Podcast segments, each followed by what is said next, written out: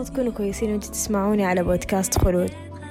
أتمنى تجيبوا سناكس أو قهوة أو شاهي وانتوا تسمعوا بودكاست. اليوم حتكلم لكم عن مسلسل فرنسي طحت عليه في نتفليكس. يا الله يا الله قد إيش جميل.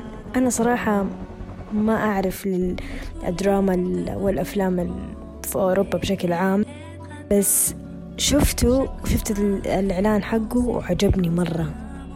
يعني حتى ستيفن كينج اللي هو أعظم كاتب أمريكي للروايات المرعبة رشحه. يعني معناته شيء كبير.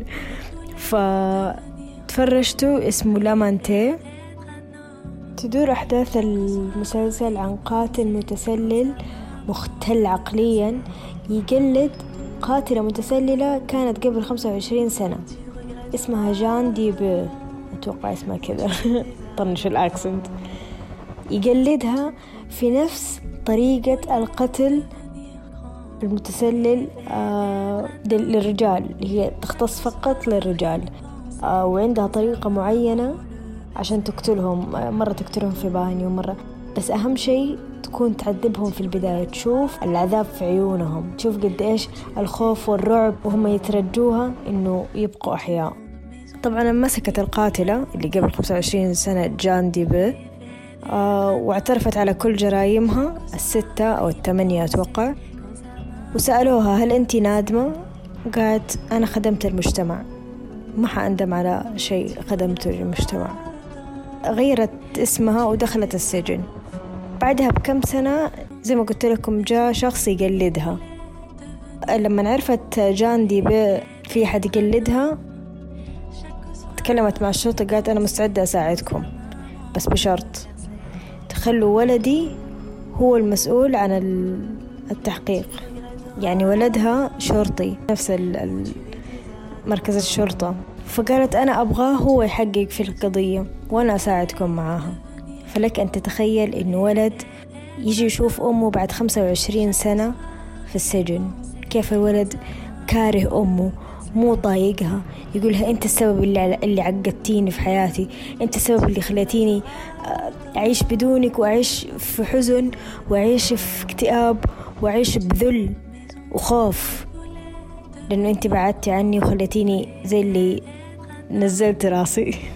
في البداية حنكره جان ديبي القاتلة المتسللة. وبعدها نكتشف إنه ترى كل اللي سوته هذا شيء طبيعي أو زي اللي يستاهلوا الرجال اللي في المسلسل طبعا مو كله اللي في المسلسل إنه يتسوى فيهم كده لأنه هي اتبنت عليها عقدة من قبل فكانت تكره الرجال. إيش اللي عقدها؟ ومين عقدها؟ ركزوا على مين عقدها؟ وشوفوا المسلسل شيء فظيع. يعني صراحة القصة غريبة. ستيفن كينج بنفسه رشح المسلسل وهذا شيء يعني كبير. يوم عن يوم حنشوف مين القاتلة المتسللة اللي موجودة وت... وتقلد جان ديبي في نوع القتل. نتفليكس ترجمت المسلسل على إنه السرعوفة لأنه السرعوفة هي حشرة صغيرة تتواجد يعني أتوقع في الغابات الكبيرة والغابات الرطبة. آه، لها يعني زي نمط معين عشان تاكل أكلها أو تاكل الحشرات الثانية. فشبهوها بالسرعوف. المسلسل متكون من ستة حلقات قصير جدا. اي ام بي دي أعطته تقييم سبعة ونص من عشرة وأنا أعطيه صراحة أكتر من كذا لأنه شدني. مناسب للعوائل ستاشر وفوق. عادي تتفرجوا مع أهلك وكذا لأنه ما في له لقطات خادشة للحياة. خلينا نتكلم عن الحوار. الحوار كان جدا جدا جدا مأساوي.